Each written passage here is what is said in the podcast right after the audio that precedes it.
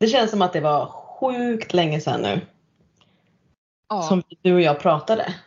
ja, det var väl när vi sågs här på Gotland och hade lite häxhäng på stranden. Ja, det var typ då eftersom vi har ju haft så otroliga sommarpratare hela sommaren. Som vi spelade in innan sommaren. Så vi har inte haft vår vardagliga, eller säga, men månatliga check-in och hangaround. Mm, vi har haft lite semester från, från det. Och stort tack till alla som har blivit Patreons under sommaren. Eh, Ja, jättekul. Så roligt och det kanske liksom Kanske tjatar vi om det men det betyder verkligen jättemycket för oss att ni väljer att stödja den här podcasten med om det är 30 kronor i månaden eller om det är uppe på Crown level så är det liksom Ja men det är fantastiskt och bara stort Mm. tack. Och stort tack till alla i jättefina eftersnacksgruppen Förmiddagsmakt. Det är ju som vi brukar säga Elden att den gruppen har över tusen medlemmar och ingen bråkar.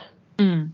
Och, och vi gör inte så mycket i gruppen utan det är liksom ett så levande community som jag har drömt om hela mitt liv men bara trott att det finns inte några fler människor. Det finns jag och typ fem till.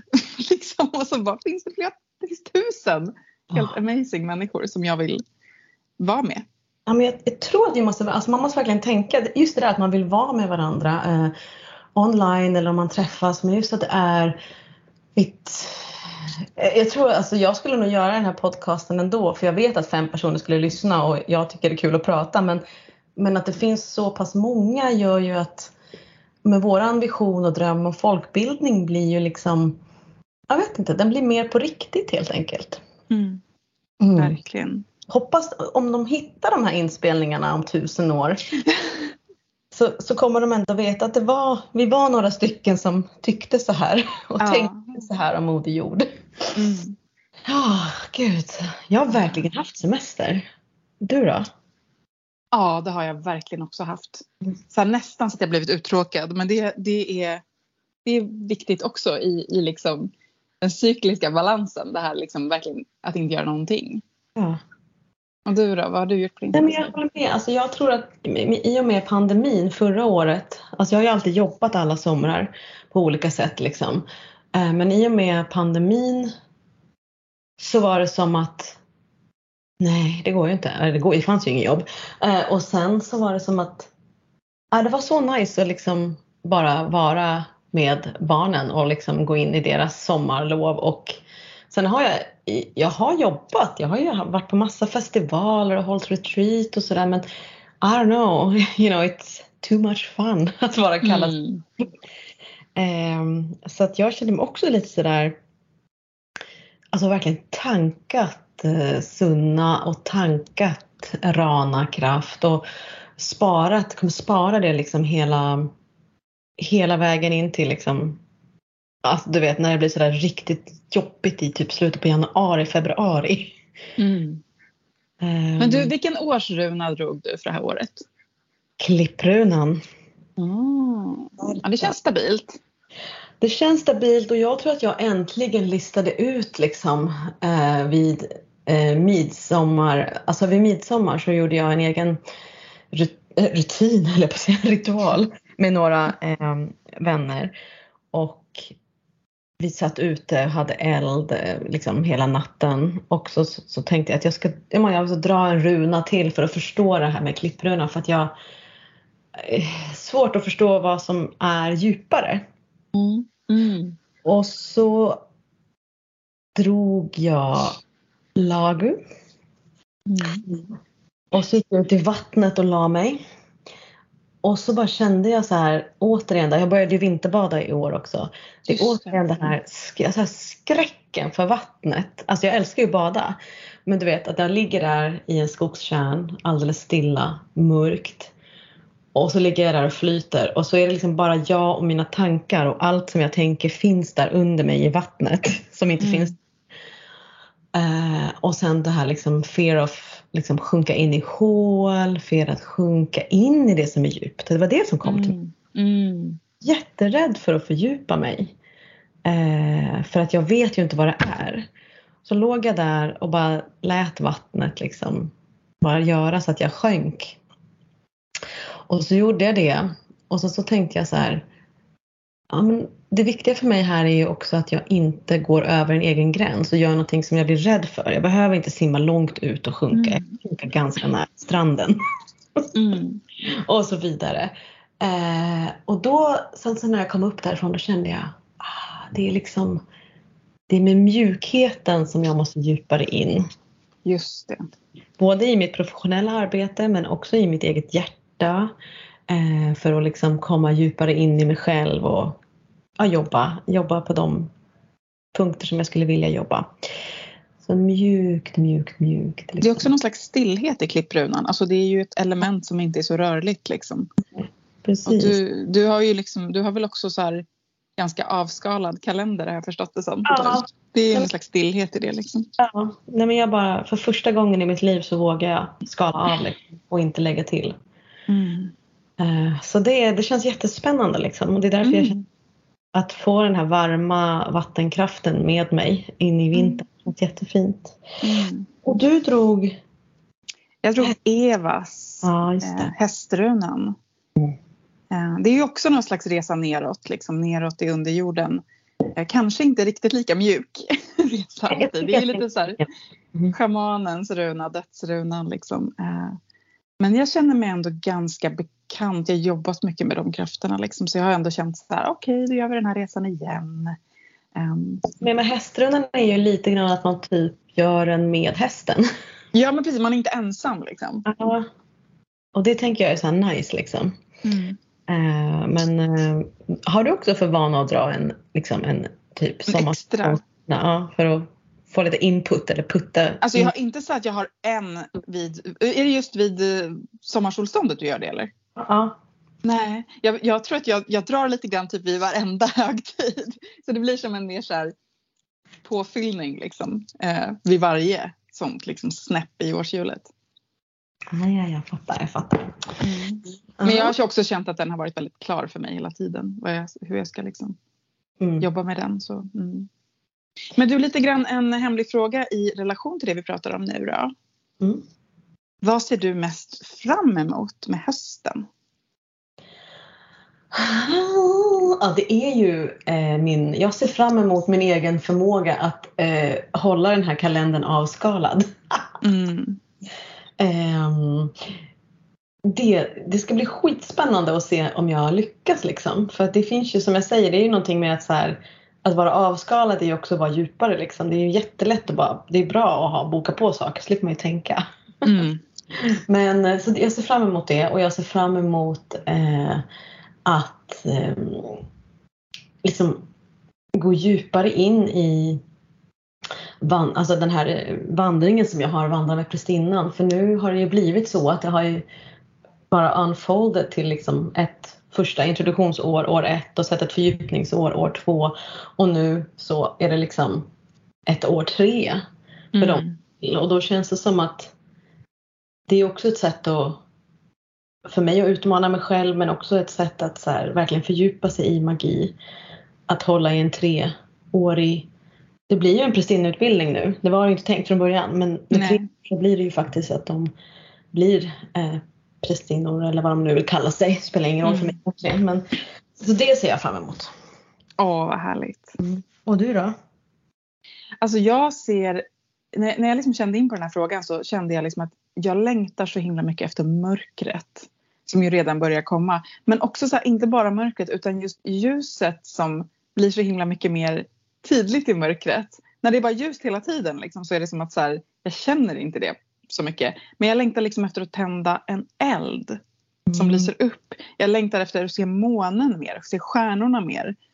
Ehm, ja men på något vis att få liksom tända ljus och, och få vara lite i mörkret. Liksom. Det är något jag längtar efter jättemycket. Jag är ofta väldigt, väldigt trött på det här.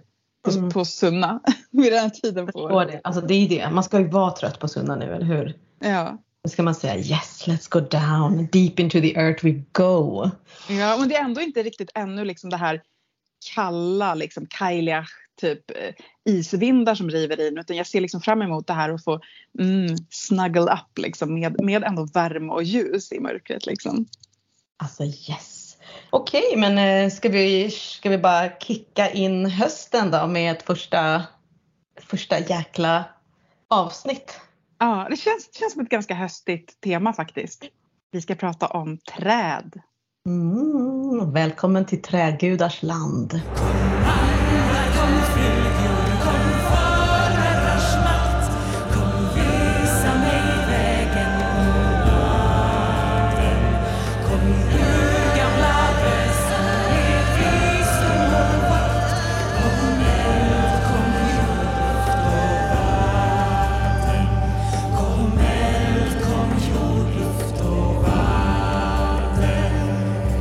Alltså träd är så extremt stor del av liksom olika kulturer och traditioner över hela världen liksom. Så att, uh, where do we start lite? Verkligen. Men alltså jag tänker nästan så här, jag skulle kunna börja i mig själv. För att Mm. jag känner så här att om jag tittar tillbaks på min andlighet och liksom skalar av den i sin allra, allra mest enkla form.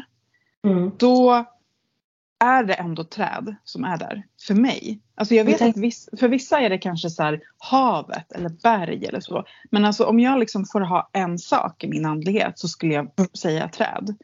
Det är liksom mitt tempel.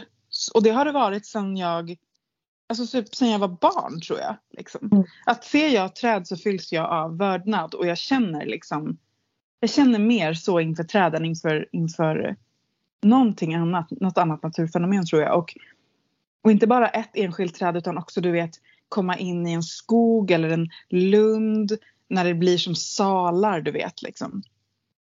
Det är, Så alla träd liksom oavsett eh, art och placering eller är det liksom en viss sorts träd som du har haft dragning till? men det är ju såklart vissa, vissa favoriter finns det ju såklart men liksom eh, jag tror just det här att träden skapar rum tror jag är liksom just den här känslan av tempel. Eh, Mm. som på ett sätt som mindre växter liksom skapar inte det där fysiska rummet. Eh, så skogen liksom som ett tempel är det är nog det som är det allra mest centrala för mig oavsett liksom Mm. vilket sorts träd. Ja, men att en av mina första eh, ceremonier som jag någonsin gjorde var en schamansk trädceremoni där vi liksom fick lära oss att umgås med träd. Alltså lära känna trädriket. Mm. Och en av mina absolut starkaste upplevelser var när jag eh, började connecta med trädet. Alltså stammen, barken, grenarna, rötterna och bara insåg hur, hur de var så sammanlänkade med varandra, träden. Mm. Och jag också då i och med att jag fick liksom eh, bli en del av trädets magi en kort stund. Jag tänker liksom att det är så speciellt också jämfört med typ kanske andra tempel. Eh, att skogen som tempel med träden, det är liksom inte bara en kuliss. Det är inte bara en, eh, liksom, nå- ett objekt för oss att liksom utföra en ceremoni. Utan det är precis som du beskriver också nu, träden i sig är ju också någon. Eh, nå, alltså de är ju deltagare i ceremonin. Liksom. Så att det är också en helt annan sorts tempel än till exempel ett, kanske ett tempel byggt av människor. Liksom. Och det är som att man kommer hem till träden när man kommer in i skogen. Liksom. Nej, men det, ja, det är verkligen det. Och, och jag menar, det är ju också så um, sällsynt numera att man också får träffa på stora träd om, Mm. om verkligen söker sig till de skogarna. För att våran värld har inte plats för stora träd längre. Nej, liksom det, det, de gammel, gammelskogarna, urskogarna ska vi inte ens prata om. Liksom hur otroligt hotade de är. Liksom. Precis. Alltså, jag, när jag läste på STDH så jobbade vi mycket med eh, scenkonst. Vad, är, vad är STDH? Ja, Det är Stockholms konstnärliga högskola. Aha. Det är en, en, en, eh, en em, magister i scenkonst möter landskap och då jobbade vi med träden på Valhallavägen. Mm. Eh, För att de träden det är ju stora almar liksom som pajar asfalten då om man tänker liksom från ett modernt infrastrukturperspektiv. Och de, när de träden liksom inte orkar mer så planterar man inte numera ett, ett, ny, ett, ny, ett nytt almträd utan man planterar liksom ja, framtagna träd som är liksom Lite så tuktade liksom. Ja, i laboratorium i typ i Kina för att kunna vara små men samtidigt kunna plocka upp så mycket avgaser som möjligt. Mm. Deras rotsystem tar inte liksom så mycket plats. Mm. Um, så då, och då jobbar vi ganska mycket just det här med att um, skillnaden på ett samhälle där de här träden får ha så stor plats till det som kommer bli den nya små, små, små träd som bara står och bara tar upp en massa avgaser liksom versus the ones who could bara expand liksom. Mm. Eh, och då ställde vi oss frågan, vad kostar ett träd? Mm. Alltså om man skulle, alltså vad är ett träd värt? Ett stort gammalt träd. Mm. Och det landar ju i liksom amount of money som man typ inte har. För det tar så lång tid för ett träd att bli så stort. Och allting som lever i det här trädet, alltså den gamla stora trädets biotop. Eh, och vem, men vem också har ett ansvar för gamla träd?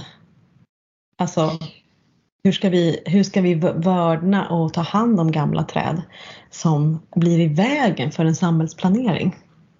Gud, det är så himla speciellt att du börjar prata om det här och att det är just almar. För att i mitt förra hus som jag bodde, en anledning till att jag köpte det huset var att det stod två stycken extremt stora och gamla almar på tomten. Mm. Som var som ett par, som en port liksom. Och jag var, var helt förälskad i dem.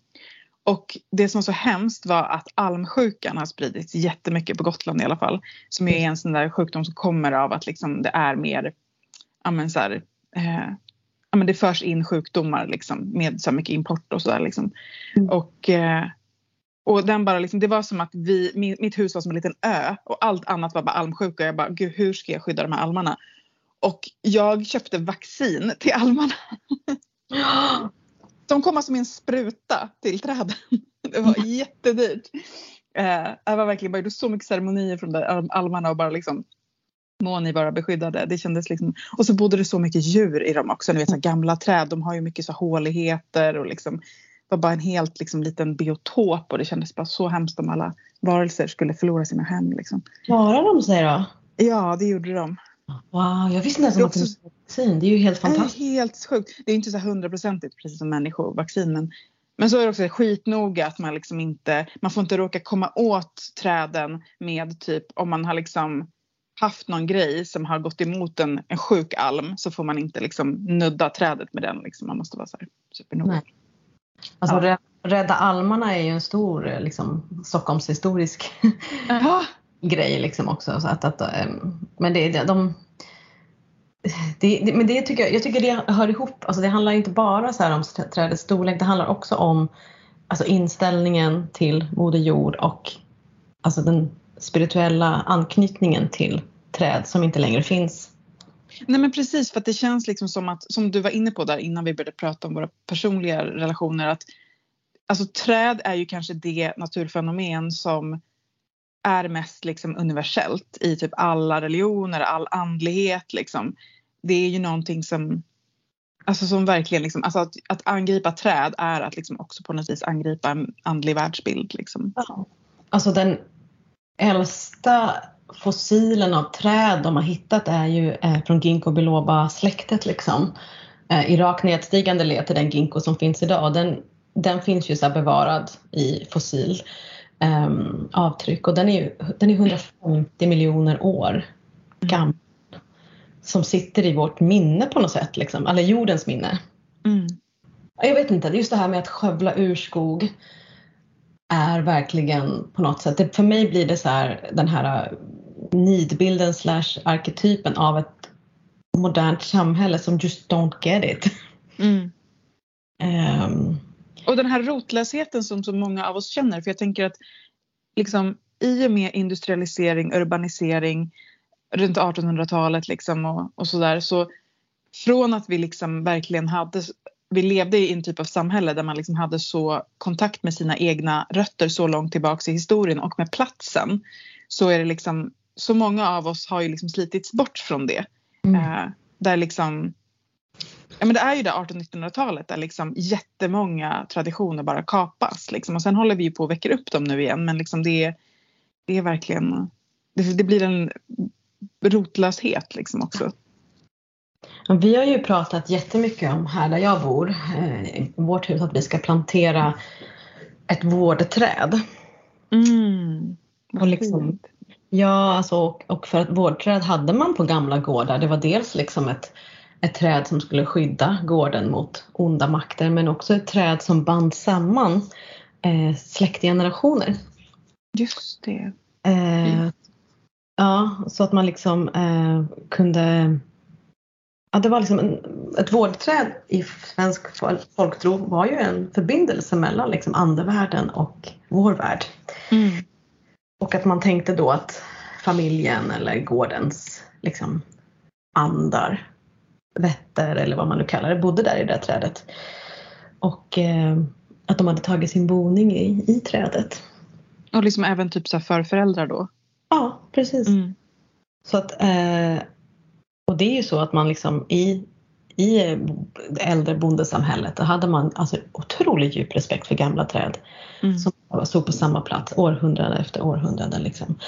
Eh, och att man just jobbade med det här. Alltså så här, jag, vet inte, jag vet inte hur deras andliga praktik var, det har jag ingen aning om. Men att, liksom att det finns eh, det finns ju liksom att man har hittat skrifter, att man har alltså de har hittat dels liksom som olika folk, ramsor eller visor om, om vårdträd men också liksom att föremål har hittats vid de här stora träden. Om de har behövt mm. liksom, grävas upp eller någonting. Mm. Eh, som, som små offer eller liksom ja, kanske precis. spells eller någonting.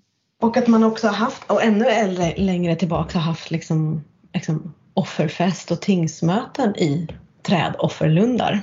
Mm. Så att det är ju så, alltså, även, alltså många, många kyrkor kyrkbyggnader är ju ofta byggda på platser som har väldigt stora träd nära sig. Man, kunde också, man har hittat texter där det liksom är så här, eh, eh, ja, men mycket så här, om någonting hände med vårdträdet då var det så här illavarslande tecken, typ hjärtecken. Och nej, den blommade inte när den skulle eller om eh, liksom, alltså, råkade man skada trädet så kunde man, då, då tänkte man att då kommer det bli ett straff liksom och så vidare. Eh, man, man typ hällde inte ut hett vatten eller kissade eller liksom tömde pottan i närheten av ett vårdträd eller någonting sånt där. Liksom. Så, Hur vet man om man har ett vårdträd, om man har ett hus? Jag kan tänka mig att det står ofta ganska centralt liksom framför eh, mangårdsbyggnaden. Alltså att jag tänker ett stort träd som är liksom eh, placerat centralt framför ett hus. Vet du om det var några särskilda trädsorter som, som var vårdträd? Alltså ask, lönn, eh, även almar. Eh, mm. De här eh, eh blod heter det blodek? Blod, blodbok finns det i alla fall. Blodbok, blodbok precis. Blodbok.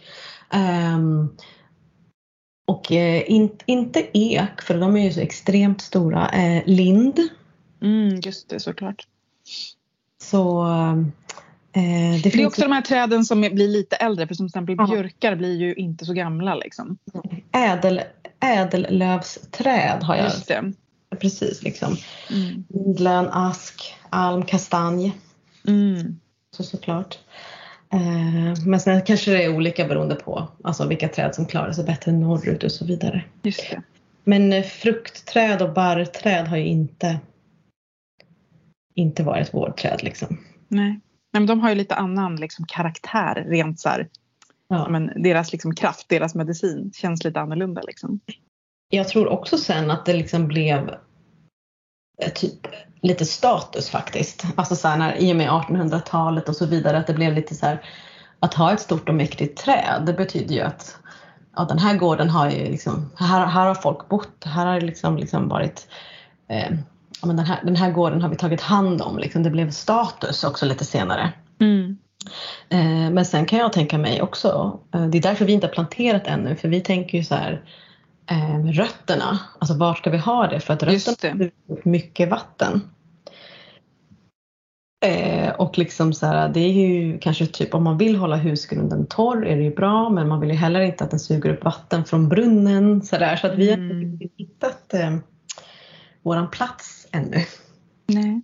Mm. Nej men det, det är klart. Det är ju verkligen ett liksom, och det är ett långsiktigt tänkande för att de blir ju äldre än oss liksom. Ja, Det ska ju vara ja, verkligen, precis. som du säger, för flera generationer. Kom eld, kom jord, luft och vatten.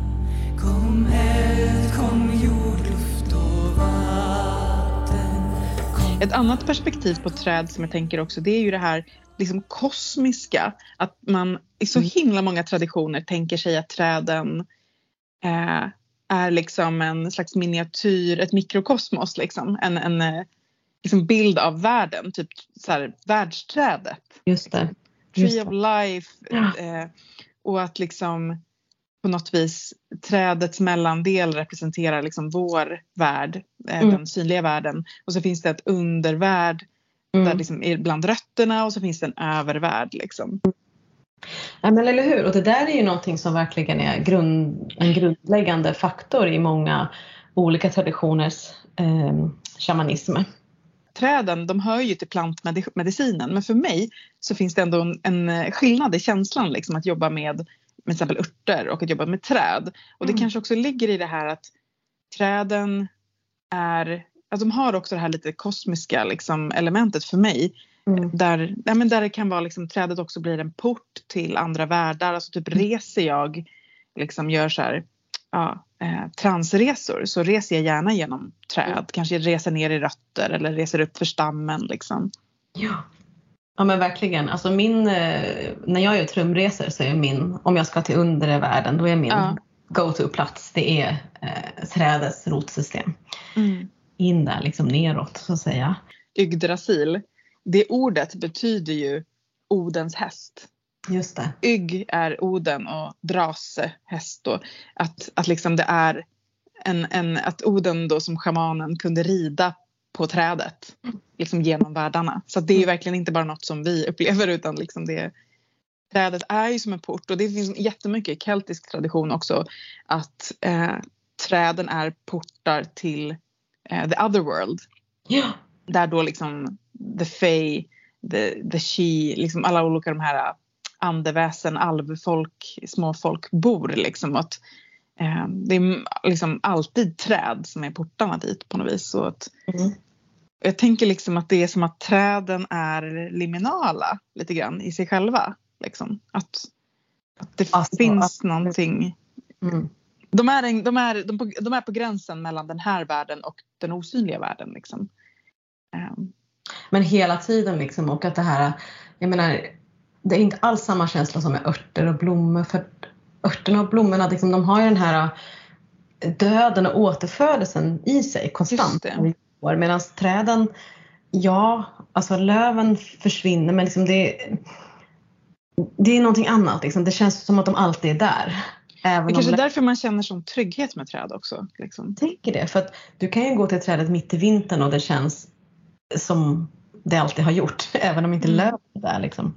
Med granbarksborren som finns så är det ju så här, alltså det, man kan ha varit på värsta skogen och sen så kommer man tillbaks typ några månader senare och så är alla träd borta. Mm. För att de har behövt ta bort träden och då blir det en helt annan plats. Mm. Bara så här, ja okej. Okay. Det är samma sak med liksom, eh, ja, men alla kalhyggen. Det är, ja, men precis som du säger när man har, alltså åker man norrut i Sverige så mm. är det ju, alltså det är ju som ett slagfält ibland. Man bara åker liksom mil efter mil med liksom skövlade, totalt skövlade skogar. Och jag vet när jag har besökt min, mina barndomsskogar på fastlandet liksom, så jag har liksom kunnat varenda liten sväng på varje väg i mitt liksom huvud och nu bara jag känner inte igen mig överhuvudtaget. Jag vet inte ens vart vi brukar åka för att jag, det finns ingen skog kvar liksom. Jag bor också på ställen där folk har skogsbruk liksom, så de säljer mm. och, och så vidare och så vidare. Men I don't know liksom, det är ju Ja, men det, finns ju, det finns ju hållbart skogsbruk. Liksom. Man måste inte Nej. göra kalhyggen. Liksom. För den, den skog som eh, växer upp är ju så svag. Jag tänkte på det här med, eh, ja, liksom som vi pratade om nu, att hugga ner träd, att liksom inte värdera träd. Och alltså det finns ju redan en tendens till det i Bibeln. Eh, det finns liksom verser som till exempel eh, den här gudinnan som vi har pratat om, Ashera. Eh, jag vet inte om alla har hört om avsnitten men det är ju en gudinna som nämns i Bibeln och som innan liksom den här israelitiska religionen blev monoteistisk med bara då Javé, Gud, så fanns det andra gudar och det fanns bland annat en gudinna som liksom var eh, hans partner. Ashera då. Och hon var ju en trädgudinna. När hon avbildas så avbildas hon ofta bara som ett träd. Alltså inte alls eh, humanoid eller antropomorf utan bara ett träd. Och när, liksom, när hon dyrkade så kunde det också vara att hon dyrkade som ett träd eller som en träpåle. Liksom. Och i bibeln så finns det ju flera verser där det står så här. Eh, mitt folk söker råd eh, i trä. Eh, snidade avgudar i trä eller en asherapåle och deras stavar förkunnar för dem. Alltså som att de typ kastar trästavar som eh, spådomar. Liksom. Och sen riv ner din fars altare, hugg sönder asherapålen. Just det. Alltså det är liksom så här, det är verkligen typ hedningarna. De dyrkar ashera, de dyrkar träden. Liksom. Och de ska huggas ner. Nej men det är verkligen alltså det där att det kommer tillbaka som skällsord. Det är ju så här bara ho ho ho. För det är också en så sjuk grej att eh, det finns också vissa träd som har liksom blivit förföljda som häxor. Eh, till exempel fläder är ju en sån, häx, en sån häxträd som eh, eh, ja, men dels liksom förknippas med häxor, att häxor typ möttes under fläder och att det också eh, flädern är en häxa som kallas för the elder mother eller hyldemor i Danmark. Um, och det finns platser där man liksom har huggit ner alla eh, fläderträd. Bland annat i Cornwall så var det en här metodist, alltså en kristen rörelse som högg ner alla fläder och då var liksom den officiella anledningen var att man kan göra vin av bären och då är det så här liksom, dåligt. Men även aspen har varit en sånt förföljt träd på grund av att Jesus kors anses vara gjort av asp och då finns det också berättelser om att eh, liksom det var tradition att varje gång man gick förbi en asp så skulle man kasta en sten på trädet som så här straff för Jesus död. Alla träden är ju liksom så laddade. Alltså, de, de, alltså den, den kristna tron har ju verkligen skapat liksom eh, problem med olika träd också. Typ att du, rönnen är, den, den, den lockar fram häxor och satan. Mm. Och den får du inte gå nära liksom. Och, det. eh, hassel, det, det är ju så här, man har gjort slagrutor av hassel för att Mm. är bra på att söka vatten. Men då, det fick man ju ver- verkligen inte visa. Du ska hålla dig borta från hassen också. Eh, och du ska också så här, jag tänker också på äppelträdet som typ så här, Gud ja. Är jättestort i nordisk mytologin. Alltså Idun tar ju verkligen hand om äpplena, hennes äppellund och sen så eh, fortsätter vidare och så blir det liksom hela äpplet som är hela orsaken till eh, jättemycket ont i ja. Bibeln. Och äpplet är ju verkligen typ så här gudinneträdet nummer ett. Liksom, i att det har det här pentagrammet när man skär äpplet liksom, i tub och är liksom Och pomegranate liksom. Är sen tidigare liksom. Medelhavsversionen. Liksom. Mm.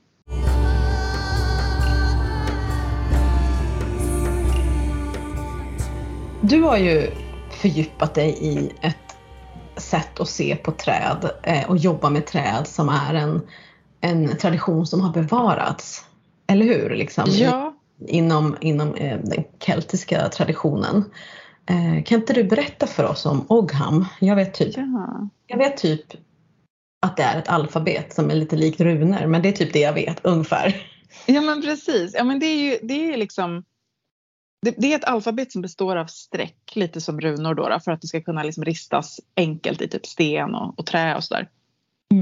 Och eh, det användes av kelter från 400-talet och främst på iriska. Men jag menar det keltiska området är ju spritt liksom till andra områden än Irland också.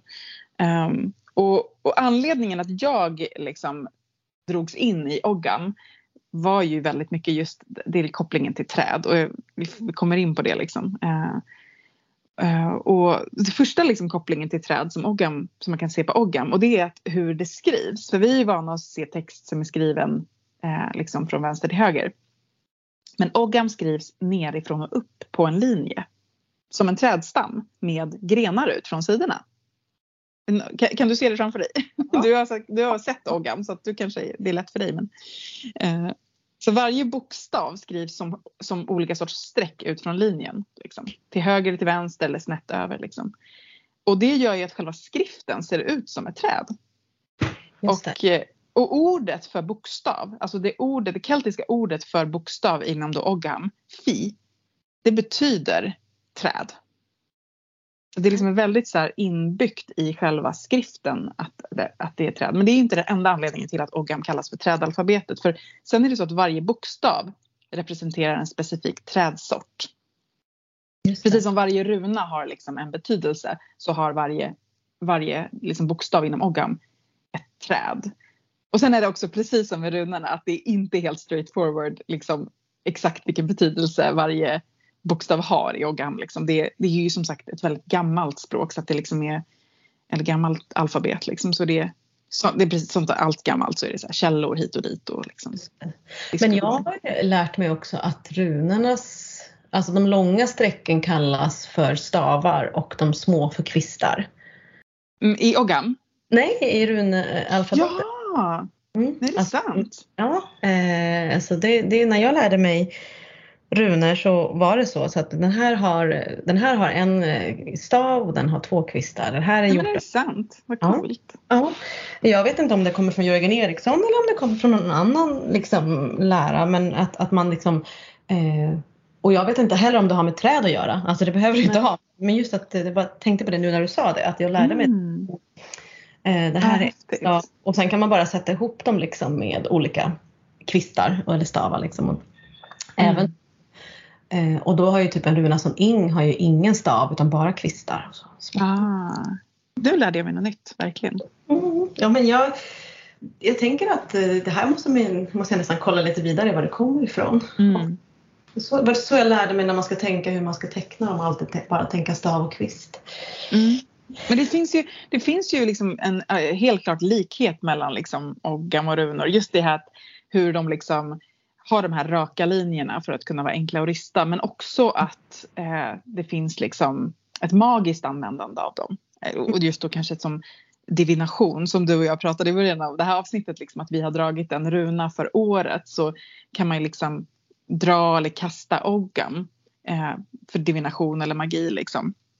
Men då brukar man ju ofta, alltså, det kan ju se ut på olika sätt, men då brukar man ofta liksom, istället för att ha typ en, en bricka kanske som man ofta har med runor så att man har en bit av det träslaget, liksom en stav liksom, Mm. som man har ristat eller bränt eller målat den här Ogham-bokstaven på. Liksom. Och, så det är det jag har hållit på med i två år Men jag- nu. Jag kommer ihåg eh, när vi spelade in vårt eh, första Ja.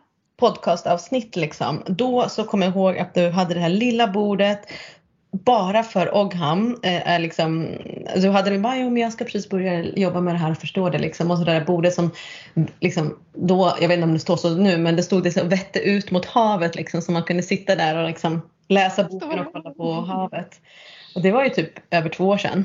Ja, och, och liksom, då har det verkligen varit så att jag har typ alltså, samlat de här träslagen ett i taget och jag har liksom gjort det i ordning. Så att även om jag liksom har fått syn på ett träd från, som kommer senare i alfabetet så har jag varit men, nej, men nu, nu ska jag jobba med det här trädet och liksom vänta på att rätt träd presenterar sig själv och vill ge mig en gren och eh, liksom att jag ska förstå det trädet. Och ibland har det gått skitsnabbt och det trädet som det tog längst tid tog ett helt år innan jag liksom hittade. Så, och det har varit verkligen, jag tycker det är så en fin process liksom när man jobbar med, alltså vad man än jobbar med egentligen. Att så här, verkligen liksom inte typ ha en så tidsplan utan bara okej visa mig liksom, ta mig på den här resan typ. Men jag blev klar med, med den här, jag har fått tag i alla träd nu precis liksom i sommar. Så Och hur Det- många träd är det och hur många tecken? Alltså det är 20 ur, ursprungliga bokstäver och så finns det liksom fem som har tillkommit senare eh, som man kan använda eller inte använda. Jag har de 20 ursprungliga. Och det är inte bara träd, eller det är vissa som är så här, det är vissa som är växter som är liksom, vad heter det, vedartade. Liksom. Eh, Vadå, typ spånbär och sånt eller? Ja, precis. Ja. Så att det finns liksom, ja, det, det är liksom lite, lite träd, vid, vitt perspektiv på vad som är träd liksom. Men Eh, alltså, jag, vill veta allt, okej men hur använder du det då? Alltså divination, liksom spådom, eh, är så himla brett. vare sig det gäller tarot eller runor eller vad som helst så känner jag ofta att så här, spå typ i framtiden är kanske inte det jag mest gör. Utan att jag använder så divination mest för liksom eh, att förstå en situation jag är i eller en känsla jag är i. Förstår du vad jag menar? Absolut. Ja. Mm.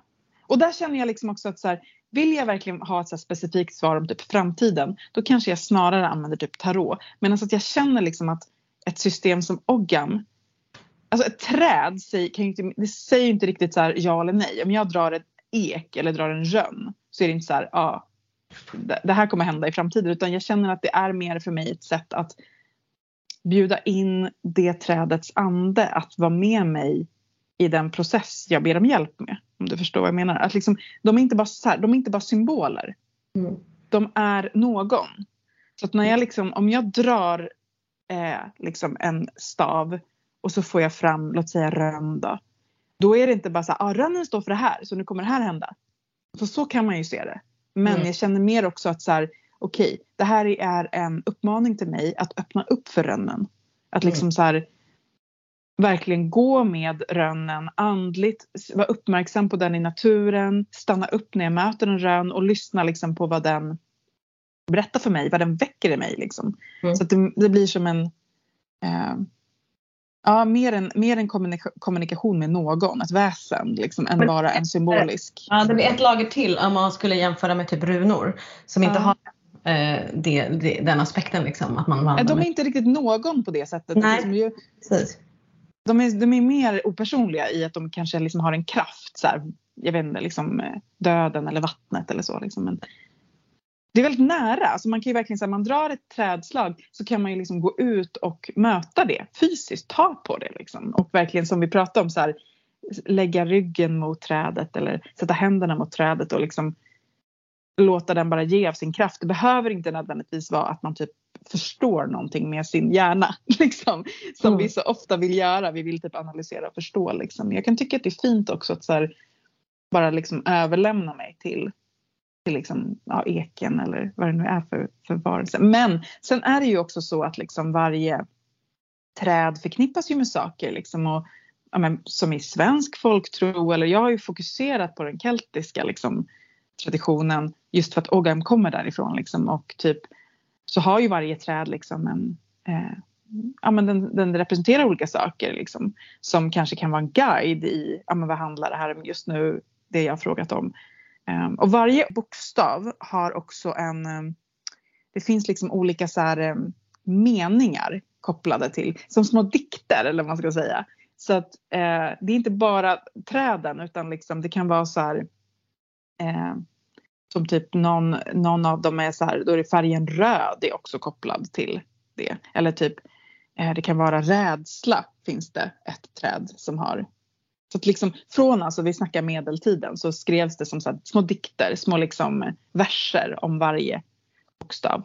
Så att det finns liksom det och det är väldigt så här det blir ganska mystikt liksom att man måste själv på något sätt förstå. Så här, men tar hagtornen som ett exempel som jag just sa nu. Så är det liksom den har ordet rädsla kopplat till sig i en sån här gammal medeltida skrift. Så blir det liksom att man verkligen måste nästan göra som ett litet pussel själv. Så här, hagtornen. Vad, vad har den för myter? Hur hänger det ihop med rädsla? Den har ju så här supervackra vita blad, eller blommor. Och var kommer rädslan in? Och liksom, det, det, blir, det är verkligen inte så straightforward som att slå upp en tarotbok och bara det här betyder det här. Ja, men jag förstår. Okej, så för, för det är ju också det att trädet är ju olika, eh, olika delar av året. Ja, Så verkligen. den bär ett som hagtorn som då först bär blommor och sedan bär liksom har bär. Mm. Och Och sen sen har du de här taggarna liksom. taggarna. Och hagtorn är ju liksom, eh, det är ju hjärtmedicin. Mm, just det. Det är ju liksom heart medicine, alltså de substanserna som finns är ju så här, man- det är ju en av de här växterna, träden som man brukar varna för att man ska vara försiktig med att ta om man har ett hjärtproblem. Liksom. Mm. Men man kan ju ta den för hjärtat. Alltså man kan Mm. också ta den, använda den för typ olika liksom heart related problems.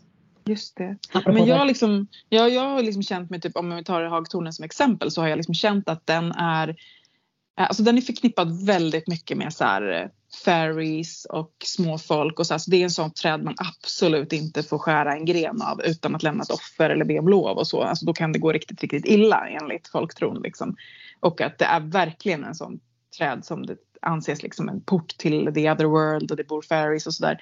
Och jag tänker att det är liksom, eh, alltså det, det är så här och den har de här taggarna liksom. Så det är så att den är otroligt mild och vacker och den kommer med heart medicine och den har den här fantastiska liksom bären och blommorna. Men den har också något som säger så här. Du kan inte bara ta, du måste liksom, du måste våga så här. Ja, vara lite försiktig och tänka efter liksom. Så att det, det är, den är inte så här stenhård för mig som väsen. Men den är inte heller liksom supersnäll. Som till exempel äpplet. Där känner jag att äppelträdet är mycket mer bara, bara genomsnällt. Liksom. Mm. Mm. Så hagtornen har någonting vasst liksom, i sig. Ja, men jag tänker att den påminner om rosen. Eh, Mm. Eller hjärtstrillan. Det, det går liksom inte bara att ta av den för du gör illa dig då. Mm. Så var jätteödmjuk. Liksom, only take if you need. Verkligen.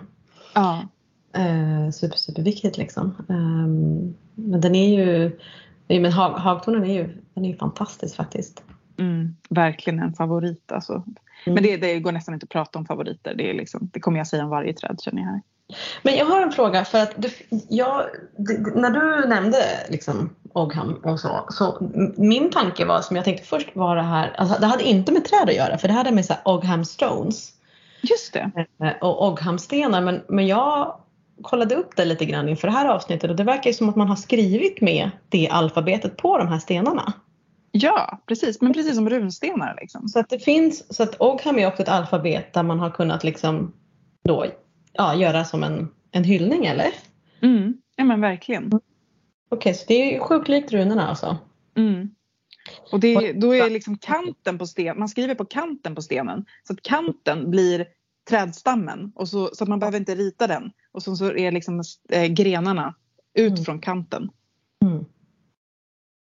Wow vad coolt. Alltså, men jag undrar, är misten med i Ogham eller är den inte med? För den är ju så st- stört helig för keltiska druider. Nej, alltså misten är inte med. Sen Nej. i liksom modern typ så här, nyhednisk tradition så är misten med som en, du vet som i, run, i runorna så har, finns ju tomma runan. Mm. Eh, och den är ju inte, det kommer ju inte från forntid. Det är ju liksom en ny andlig, nyhednisk påhitt om man vill. Liksom. Eh, på samma sätt är det med misten. Den är inlagd som en så här wildcard typ. Liksom. Eh, för att den, kanske, den kanske helt enkelt inte är med just för att den är så helig. Att den liksom inte ens den, står den står bortom och över allting. Liksom. Ja men alltså jag tror det för att eh, alltså i Bretagne som jag har hängt ganska mycket i på grund av att min man är därifrån. Så i den eh, keltiska druidism som finns där så är ju alltså misten är ju typ den heligaste av heligaste. Mm. Eftersom den, de har ju stora skogar där liksom misten är runt träden. Mm. Och till exempel, gud. Har du sett det alltså? ja, Fy vad jag blir avundsjuk. Jag har aldrig sett misten. Åh nej men alltså du vet det är Forêt de Brocéliande, eh, Pampillon, alltså och de här de skogarna är ju stora och det är bara, det är bara helt grönt liksom. Och det är så extremt eh, annorlunda vibb än svenska skogar. Den har inte den här, Wow. den har en uråldrig kraft som, som är helt annorlunda. Mm. Ja, nej men det jag har varit jättemycket bara för det ligger ju nära där. De bor ju i skogen, hans svär, alltså mina svärföräldrar. Um, och där är det ju så här att om, om en blixt har slagit ner i ett träd där det finns en mistel, då ska man använda den misten för då har liksom, då får du, då, då gör du pulver av den här brända misten och liksom kan verkligen sia om framtiden. Mm. Gud Eh, vad magiskt. och eh, jag tror att på breton, om jag inte minns fel, så kan man liksom nästan översätta ordet druid till liksom ek. Ja, det är, det är alla keltiska språk. Ja, ekkunskap eller ekvisdom eller Mm. sånt. Mm. Att eken liksom, för den var ju, den, ja, men den var ju så helig så att det liksom är typ, druiden är liksom typ Ja. ekens, ekens Precis. prästinna eller präst. Liksom. Ja. Och vet du att alltså av tusen ekollon som släpps så är det bara en som kanske kommer bli en ek. Nej. Jo. Jag har en liten ek i min lilla skog som jag bara, fan men ska du klara det här? Ja, men jag Mm. vet en sak att om man vill hjälpa ekarna, de vill inte ha någonting som nuddar dem. Om ni Nej. ser, alltså en, eh, om det går emot ett annat träd mot en ekgren, då dör den ekgrenen. Man ser det liksom att det sticker ut en helt så här kal gren för att det nuddar ett annat träd. Så de behöver så här, de får gärna ha buskar runt sig som nuddar dem, men inte andra träd. Så att har Mm. man liksom möjlighet att eh, gallra om man vill hjälpa en ek liksom så. Det, den finns upptagen i så svensk lag från Är det typ sant? Ja, ja, ja den finns, det finns två. Det finns, dels så finns den ehm, i en, en eh, där det handlar om ekollonen eh, och en om det handlar om liksom själva trädet. Så det, på de, kung Magnus Eriksson gjorde liksom en skogsregale. Eh, han byggde vidare på att det redan fanns innan 1300-talet att eh, en skogslag som sa att man inte får eh, hugga ner ekar hur som helst. Inte boken och inte hassel. Mm. Och sen så, så kung Magnus Eriksson då, han skapade då en, det första skogsskyddet på 1300-talet. Wow. Och eh, sen lite vidare, alltså in på 1500-talet så fortsatte Gustav Vasa och liksom skyddade ekarna än, ännu mer överallt och sa att det är faktiskt bara kronan som får ta ner en ek om det mosses. Mm. Så eh, Var det liksom för att eken hade ett symboliskt värde då eller vet du det?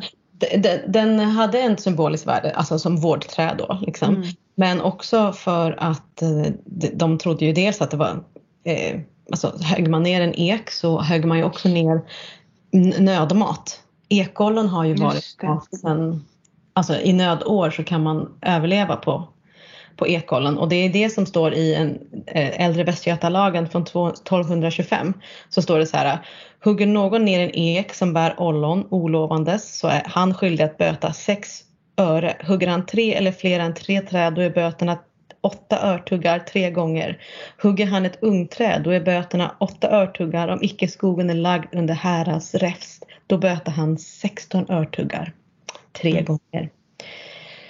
Eh, så det blev, men det här gjorde ju också att det blev lite problematiskt för det blev ju sen då alltså att ekarna blev typ kungens ekskog, kungens jaktmark, kungens skog.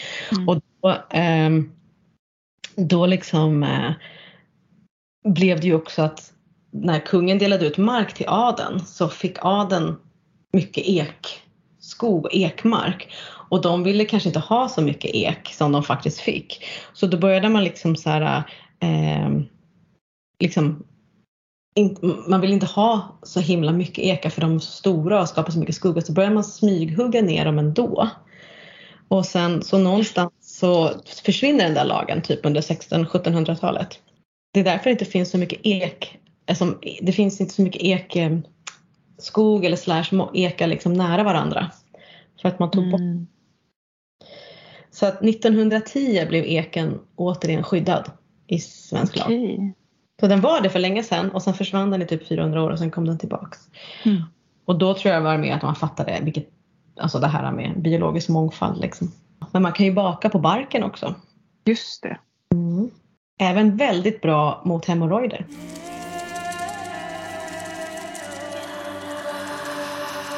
Jag tänkte på det här apropå du sa om mistelskogen.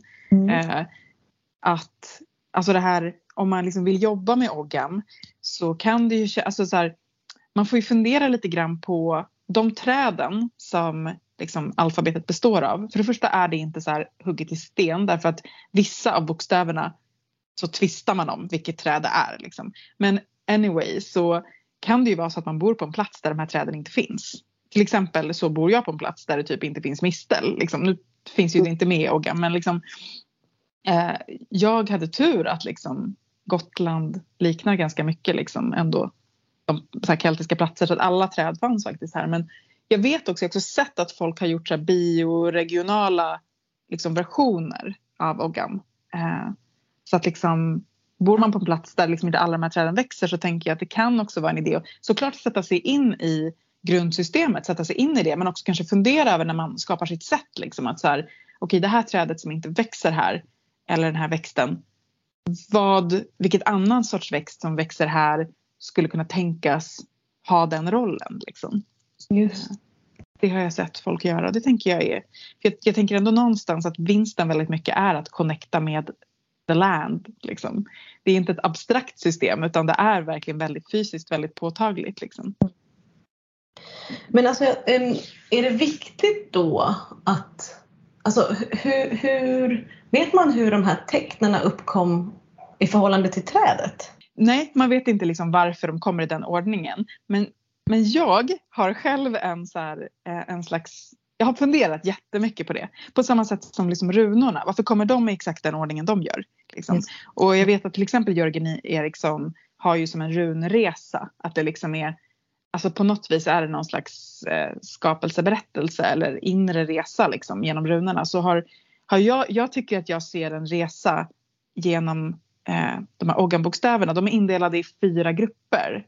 Kallas för Aikme. För mig har det visat sig som att det är typ så här mellanvärlden, underjorden, övervärlden och sen en sista. De sista fyra är som eh, år- de fyra eh, equinox och solstånden. Liksom. Det är helt min egen så här, vad jag har Mm. fått till mig när jag jobbat med dem. För det finns. Noll och ingen förklaring. Liksom. Men jag tänker att det är också sånt som är spännande att jobba med. Liksom, så att de är inte bara enskilda. Det är inte bara så att så här, rönnen betyder det här och det här. Utan den står också i relation till det träd som kom innan och det som kom efter. Att det är som en resa liksom. Eh, Alltså himla intressant. Jag tänker också det här med, alltså, ju mer man läser om träden också, ju mer förstår man liksom att det återigen är sådär, äh, ja alltså typ som, jag tänker så här på rönnen som typ kallas för typ the witchen tree eller häxträdet liksom som det finns eh, eh, liksom det, det, det, det sägs ju att de an, använder rönn i gamla liksom skandinaviska båtar, typ vikingaskepp för att ran inte skulle ta dem liksom Mm. skydda sig med det. Eh, och att, eh, men att man liksom använder flygrönn. Du vet, det är ju ett rönnkvist som växer i ett annat träd. Det är så magiskt. Jag tittar alltid efter det. Jag Ja. har typ inte sett någon. Nej, men om man får det liksom och då kan man ju ta hand om det och sen så om man vill typ sen eh, göra en trollstav eller en yxa eller ett redskap av det där flygrönen så har det extremt magiska egenskaper. Men sen lite senare i historien så blir det som att rönnen skyddar mot vidskepelse och häxkonst och onda ögat och, och så vidare så vidare liksom. Mm. Det från början faktiskt är så här super super magiskt. Mm. Ja, Eh, verkligen. Och ja. bären kan, kan man ju också liksom använda som man kan ju binda dem på liksom ett snöre och använda som beskydd som amuletter. Liksom. Ja, det är ju bara för alla nu att gå och kanske upptäcka sina träd.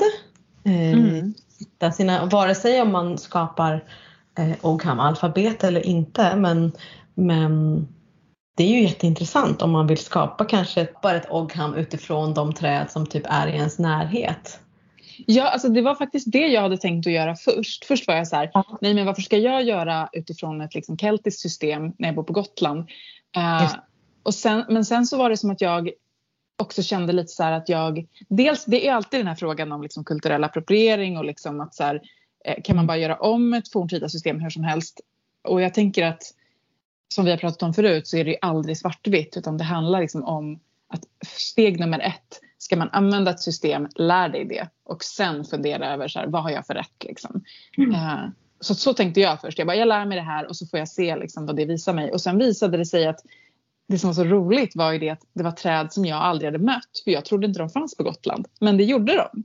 Så jag är också glad att jag inte typ tog den enkla utvägen att bara så här, nej men jag tar de träd som jag redan känner. Utan så här, eh, och Gam öppnade upp för mig för nya träd som, jag, som fanns här men som jag inte visste om. Liksom. Vad har du hittat för träd då? Jag he, he, vill ha hela liksom, alfabetets träd. Jag tycker, det kan du väl ta bara. Du behöver bara Ja. säga det liksom. Mm. Ja, ja, men då är det björk, rönn, al, pil, eh, ask, tagtorn, ek, järnek, hassel, äpple. Sen kommer vi in på faktiskt eh, björnbär. Nu är det som inte så trädigt liksom. Mm, mm. Och eh, murgröna. Sen kommer vi till vass. Det är absolut inget träd men det hör ändå in här. Och eh, därefter kommer slån. Och slutligen fläder. Och sen kommer vi in på de sista som är lite, lite för sig själv. Det är vokalerna. Så först är det konsonanterna och nu kommer eh, de sista vokalerna. Och då är det eh, först tall. Och sen är det ärttörne. Som på engelska heter gorse. Man kanske har hört talas om. Och ehm, ljung. Asp Ah, ja. och idegran. Såklart ja. Idegran. Mm. Mm. Det är det sista. Och det är väl där, jag vet inte liksom, om du hör, det börjar med björk som är en väldigt så här jungfruligt träd Ja, på något kul. sätt. Och det slutar med idegran som är liksom det stora dödsträdet. Så att det går liksom verkligen att jobba med det, hela den här ordningen som en slags resa liksom också. Eller en slags, att det finns en, någon slags logik som jag ser i alla fall. Men har du, hitt, har, du, har du liksom hittat alla de här då? Så du har dem? Ja, det har jag. Och den som jag verkligen inte trodde att jag skulle hitta det var ju ärttörne, gorse.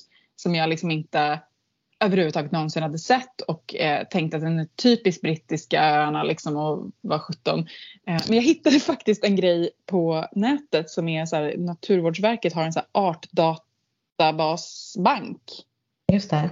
Man kan söka liksom på en art och så kan man få upp en karta. Så jag fick upp en karta bara, den finns på ett ställe på Gotland i en skog. Så jävla random. Och jag åker dit och bara letar och bara, bada, där står de. Gud vad coolt. Ja det är faktiskt jättecoolt. Och vissa andra träd som jag letat efter som jag inte har sökt, eller jag har sökt på dem i dat- artdatabanken, gick dit på kartan, såg den inte och bara, nej. Och sen så en annan dag så bara har den uppenbarat sig för mig. Liksom. Och då känner man sig, det är som den största gåvan. Du vet det är som när man hittar en jättemagisk fjäder eller någonting i skogen. Man bara, åh gud, tack, tack, tack. Ja, ja, ja. Men alltså kan man, kan man dra en, kan vi inte dra en ogam på något då? Jag trodde aldrig du skulle fråga. Jo, nu fattar jag lite mer. Mm. Eh, men ska vi, hur ska vi dra den då? Ska vi dra den för mig eller för dig eller för podden eller för... Alltså det är bara intressant att, att, att Ja. göra. Men kan inte, jag, kan inte jag få dra den för dig då? Ja, gärna. Och då gör jag så att jag, jag tar en näve av de här stavarna och så kastar jag dem på en, eh, en duk. Och den som hamnar mest i mitten, den kommer det vara. Mm, mm, mm. Har du någon, har du någon så här, Jag jag, tänkte- Dra den på min, hjälp mig med min runa. Ja, mer, mer förtydligande på runan. Exakt. Okej. Du, det blev fläder. Asså, okej. Mm. Riss heter den eh, på det keltiska. Det stavas ruis.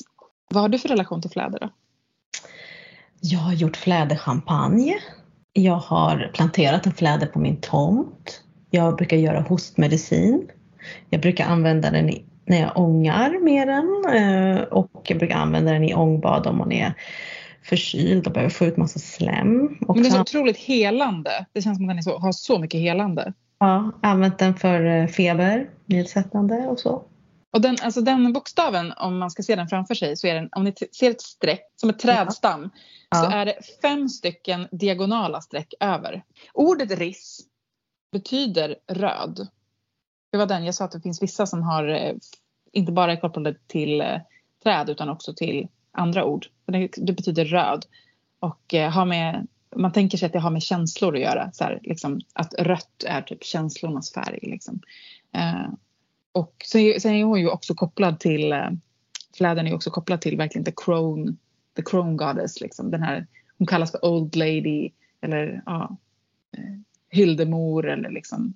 Hon är som en, som en så här häx, eh, häxgudinna liksom. Mm. Men jag vet inte, hon kom till mig också väldigt mycket som, jag, jag vet inte om du har sett det på mitt Instagram, jag har målat trädgudinnorna också. Eh, och eh, hon kom till mig som så här, ja men som tidlös och verkligen så otroligt vacker med de här blommorna. Liksom. De här vita, sköra, skira blommorna. Och de här liksom nästan smyck, de här bären som nästan som smycken. Liksom. Och bara någon väldigt så här, ja men hon är häxa, hon är crone, hon är tidlös. Och bara liksom har så mycket helande. Men det är liksom en, hon, för hon är kopplad till döden också. Liksom. Mm. Eh, just i sin crone-aspekt liksom. Och, eh, men det är inte den här hårda döden liksom, utan det är det här Den mjuka döden. Mm, ja. Lite som du pratade om nu med det här med som du kände där du låg i den där skogskärnen och liksom det är, det är inte det här våldsamma fördjupandet utan det är liksom att jag tänker, jag tänker mig väldigt mycket att hon är liksom en mormor som håller den. Liksom. Ja, men jag tänker den mör- mörka moden lite grann, aspekten. Mm. Men vad fint. Nej, men jag har inte sett Jag har ju liksom haft Instagram-paus. Jag kommer tillbaka den Ja. snart. Eh, nästa vecka. Så jag har inte sett någonting. Nu Då får du se min, får se min version av, eh, av Hildemor. Hildemo. Hildemo. Hildemo. Hildemo. Ja. Alltså det är ju också väldigt liksom. Alltså det är gott. Ja. Jag har ju ett recept på fläderchampagne också om någon är intresserad. Jag, jag, jag tänker det också att hon är liksom så här. Alltså det är också därför som flädern har varit fruktad. För att man kan göra vin och champagne och, och hon står för skönhet och det är doft och det är liksom är, och samtidigt som hon är så gammal. Alltså finns det någonting som patriarkatet fruktar mer än typ njutiga gamla kvinnor? Liksom. Nope. Och det, är- det är liksom flädern. Kanske en armé av kåta, kåta gravida kvinnor i nionde månaden. Det tycker de. På tal om att ta plats liksom med sin kropp. Om man är liksom sugen på att veta hur eh, butiken Starchild har valt att liksom tolka dessa eh, Ogham eh, i doft så har de faktiskt eh, ändå eterisk olja slash parfym för varje för varje liksom träd. Ja, det är så Eh, det- amazing. Ja, och jag har, jag har några stycken. Jag har ask, jag har rönn. Men nu kanske jag ska köpa fläder också. Eh, men de är faktiskt, det är riktigt, det är, det är liksom, ah, det är inte parfym utan det är ju Men man, magisk, magisk ja, olja. magiskt, liksom. ja, man kan använda dem det man vill men de, de är helt otroliga i sina dofter faktiskt. Jag har Gorse och Ivy. Jag, har, jag tror jag är inne på min tredje eh, flaska Gorse. Jag är helt, den är helt, liksom, jag är helt beroende av den. Ja men de är, jag måste, ja, ja, de är otroliga faktiskt. Så det tycker jag man ska kolla upp. ehm. Det är icke sponsrat eh, Icke information. försökt. Jag har fan skickat tre mejl till dem och försökt få någon slags spons eller deal eller någonting till alla våra patreons och så men jag får inget svar alltså. Åh, Gud. Men det var ju så liten butik i Glastonbury. Det känns ju som att så här, ja, jag vet inte. Nej, nej, nej. Så det är ingen spons men de har det och de är faktiskt väldigt bra helt enkelt. Mm. Mm. Mm. Men du, vi har, vi har ju faktiskt någonting till eh, våra patreons, till våra crones. Det, japp, det har vi. Vi har eh, såklart en, eh, det kommer komma upp när avsnittet har sänds, en eh, träd, ja, en trädritual helt enkelt. Ja. Eh, som kan ta kort tid eller kan ta lång tid. Men den kommer finnas för alla Patreons på Crown-nivå tillsammans med allting som ni redan har fått. För den är ju, den är ju liksom vår största eh, vad heter det, ekonomiska insats och då får man lite mer liksom, ceremonier. och Sådär.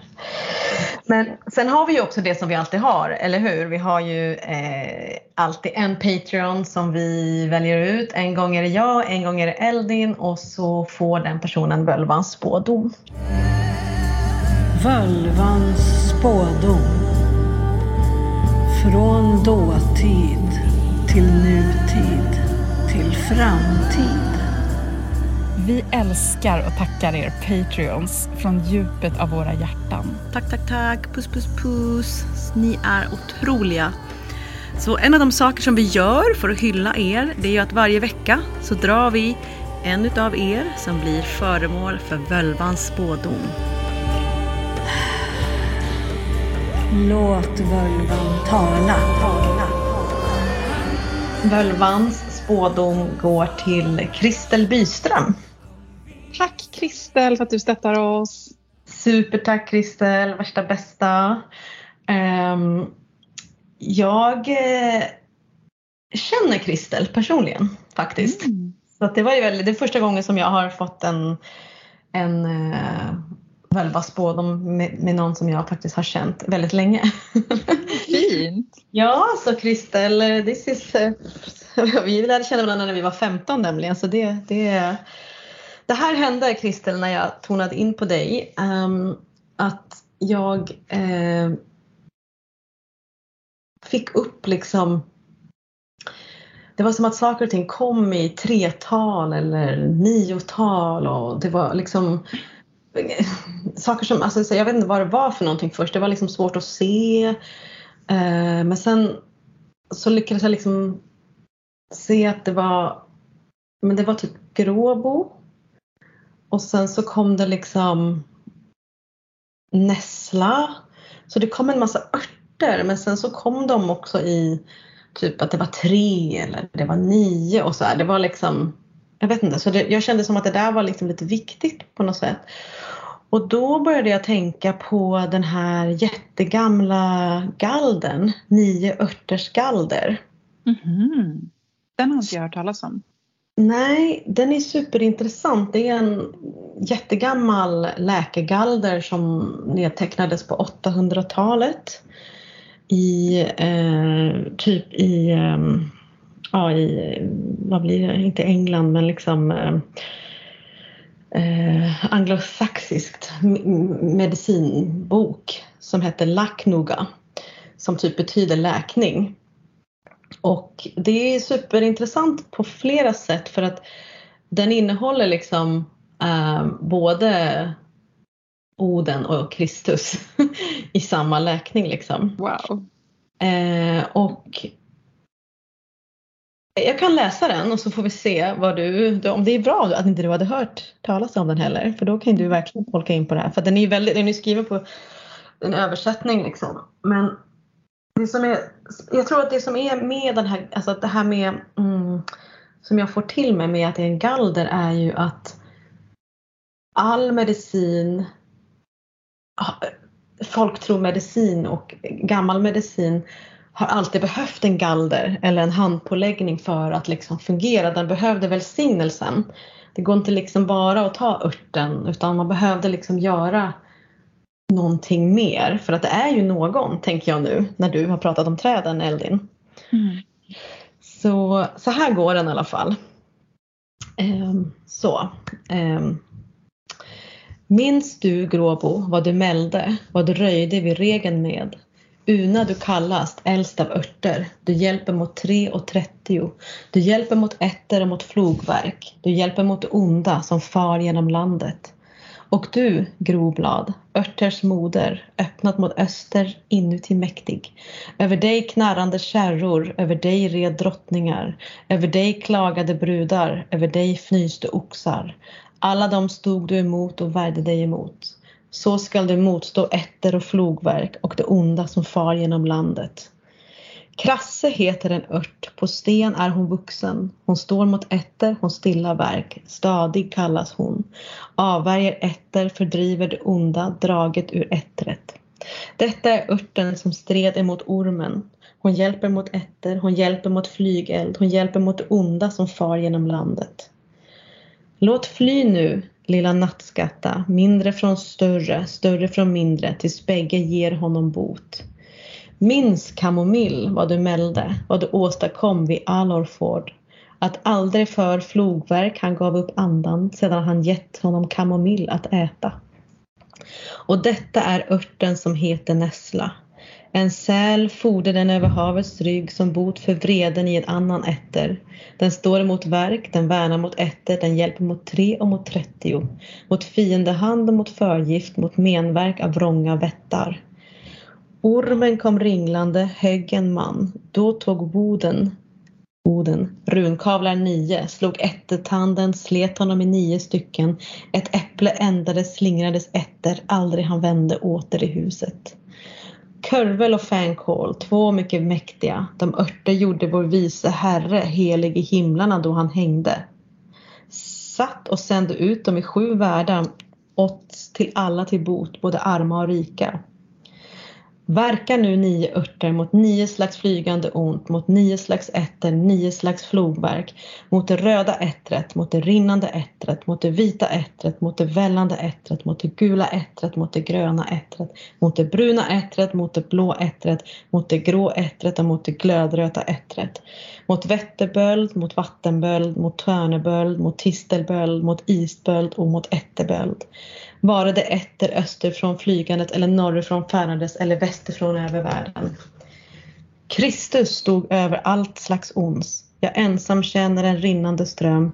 De nio ormarna fruktar och skyr den. Må nu alla ängar täckas av örter.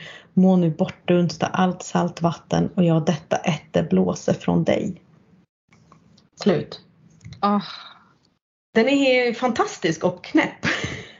Men jag känner liksom så himla starkt när du läser den att alltså den magin som finns i orden, den liksom den typ sköljer över mig. Lite grann så här som jag sa med träden att liksom det är inte nödvändigtvis så att man måste förstå med sin hjärna saker Exakt. alltid utan att ljuden, orden bär en magi i sig själva. Bara genom att låta dem skölja över en så gör de magi. Liksom. Ja, Det är det jag tänker, eller hur? Att bara liksom, låt det bara vara. Och här i den här texten också som då nämner eh, den är ju lite så här för oss liksom så här, tusen år senare att förstå Först är orden lite cool och hittas mot ormar och sen är ormarna onda och sen kommer Jesus och sen så är det en herre som hänger, alltså som Oden hängde ju Mm. i Brasil. Alltså, det, det, Jag tänker det att man täcker in allting. Alltså Ja. man har inte den här dogmatiska, det måste vara ditt eller datt, utan man bara, vi tar alla mäktiga grejer vi har. Exakt. Att jag tänker så här Kristel att du får den här nio örterskalder. Kanske ska du skapa en egen nio örterskalder. Men framförallt det som Eldin säger att liksom låta orden vara magiska och kanske inte tänka, överanalysera, jobba så himla mycket med att förstå utan låta det bara sköljas över. Personligen också så tänker jag det här med att jobba med galdersång är väldigt fint. Att sjunga sin läkning. Sätt att, att få orden kan ju vara liksom att just bara koppla upp mot ett träd eller en växt liksom och Mm. bara se vilka ord som kommer och att precis som i den här galden så behöver det inte make sense utan det är bara ord som så här passar ihop liksom som klingar på ett visst sätt och man behöver inte ens förstå utan liksom bara upplåta sin röst till den här växten eller trädet liksom. Ja, verkligen. Vi, eh, vi länkar till alla de här källorna så kan man ju kolla vidare om man blir nyfiken. Det gör vi ju som alltid i, allt, i hela Mm. avsnittet. Ja. Okej, tusen tack Kristel och tusen tack alla som har lyssnat och eh, ja, nu är ju hösten igång. Mm. Ut och krama ett träd.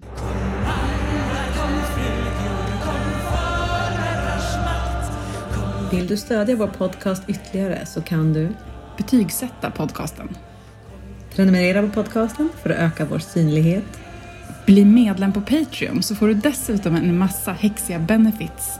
Gå in på patreon.com formodrarsmakt. Och vill du ta del av ytterligare samtal med likasinnande, bli medlem i Facebookgruppen Förmödrars makt eftersnack.